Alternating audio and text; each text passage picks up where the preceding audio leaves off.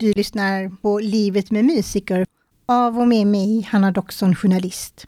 I det nionde avsnittet ska cellisten Johanna Hydén Lander berätta om hur hon som cellolärare tänker utanför boxen och varför det är viktigt att göra det. Först var det väl att man hade någon liten privatelev och sen började jag få lite mammavick. Innan jag var färdigutbildad tror jag att jag hade liksom i alla fall ett vick som sen blev en tjänst. Jag började i Staffanstorp på musikskolan där och har varit där i många år. Och nu så fick jag den här tjänsten på Kulturskolan i Malmö precis innan jag fick mitt första barn. Så då kom det ett barn och sen pandemi, sen kom det ett barn. Så den här hösten kan vi säga att jag fyra år senare började den tjänsten. Mm, det känns jätteroligt. Det känns som att det är det är en stor skola och så här kan man jobba över genre och man har kollegor på ett annat sätt i form av stråkkollegor. Jag har en cellokollega. Det känns högt i tak. Också kul att vara i Malmö, att jag kan cykla till jobbet, komma hem till läggningen.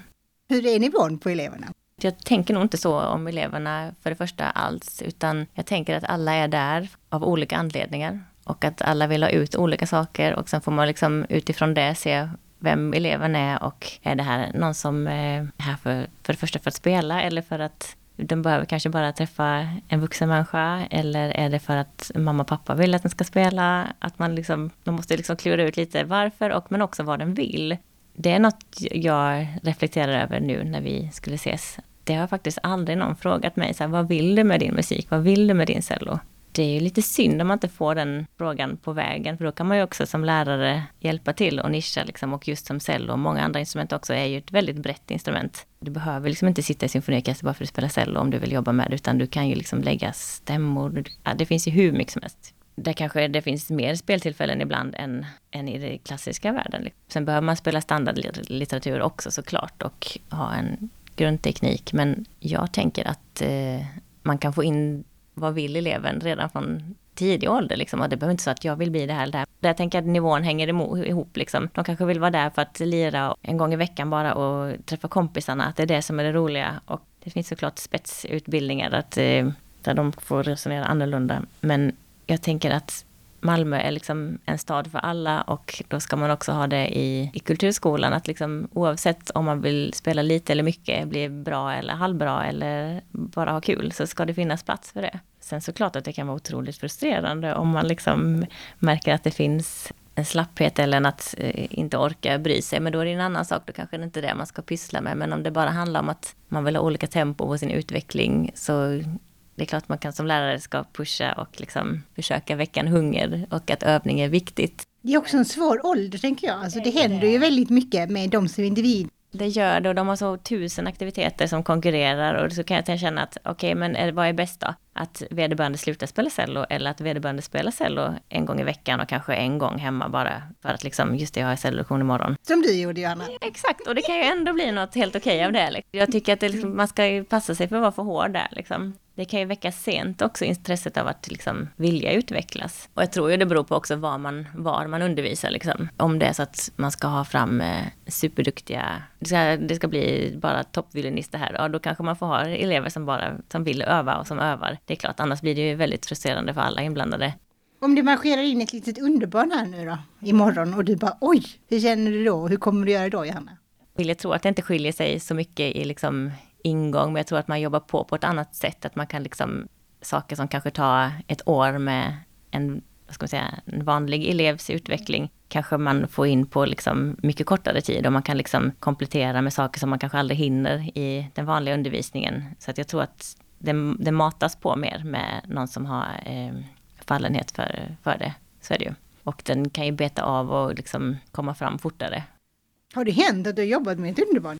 Kanske inte Mozart liksom, men nära. Ja. Nej men vissa är ju verkligen jätteduktiga, men det är också intressant för en del kommer in och så har de så jäkla språng i början och bara sätter av och sen så kanske det bara så här avtar helt, att de, intresset falnar och annat som är roligare. Och på samma sätt kan det vara med annat, liksom att någon som har varit helt sömnig och som bara helt plötsligt bara wow, vad händer här?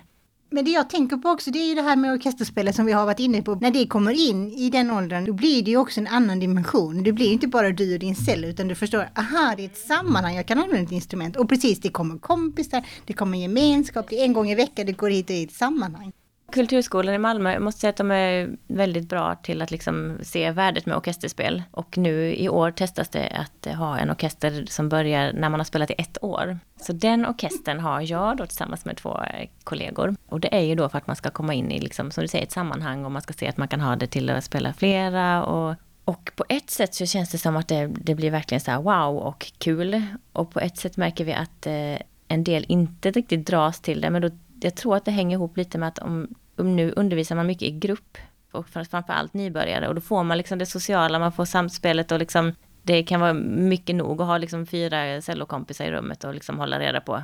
Om man Har en individuell lektion så blir det en större skillnad, liksom att man har sin individuella. Sen, det, det kan man nog eh, fundera lite på och utvärdera i efterhand för att den individuella undervisning var ju kanske vanligare innan och sen så kanske att det har varit en fas av att vi ska få in så många som möjligt, vi gör så mycket grupper som möjligt. Vilket jag ändå tycker kanske har avtagit nu, att det finns utrymme för, för båda delarna. Och det finns verkligen fördelar med att ha både individuellt och i grupp. Jag kan tro kanske att det är lite det här med wow-orkester, att den inte blir prick lika så när man har grupplektion innan. Som när man har varit ensam med läraren och bara oj, här var fler. Men vi har ju också flera instrument så att jag hoppas ändå att det blir någon sorts wow-grej och att, att man täcker upp andra, andra grejer man kan göra på orkestern som man inte kan göra själv eller med på sin lilla lektion liksom. Alltså jag tror att kulturskolan är jätteviktig och kulturen generellt också. Jag tror mig känna att eh, Malmö stad ändå visar oss på kulturskolan att vi behövs och att kulturskolan behövs. Och de Malmö stad ser vikten med kulturskolan och det är väldigt fint och det ger hopp. Det finns ju liksom inga gränser på hur man får och inte får tänka och jobba. Och jag tänker rent krasst att jag vill få in i min utbildning liksom att det ska finnas inte bara liksom vända blad i boken och bara spela klassiskt när man blir lite äldre och lite duktigare utan att man också får in det här med att eh, kompa eller ta ut eh, hitta på egna, ja, improvisera. För jag tror liksom att spelar du cello och du kommer upp en bit i åldern så kommer du kanske komma till att din kompis ska gifta sig och fråga kan du spela på vårt bröllop?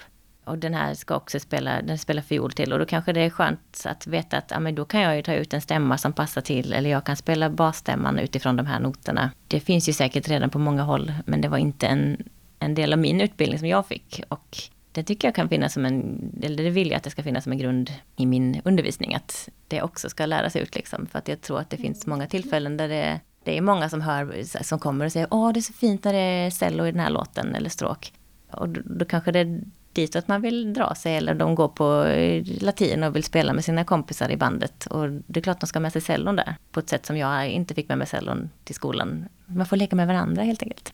Avslutningsvis då, när är det roligast att vara lärare, Johanna? Nej men det är ju väldigt kul när man får liksom, när man ser poletterna trilla ner. När de blir upplyfta av liksom musiken och att få spela. När de har roligt och poletterna rasslar, då är det som allra bäst. Du har lyssnat på Livet med musiker. I nästa avsnitt så möter ni underbarnet konsertpianisten Julia Sikova. Producent är jag, Hanna Doxon.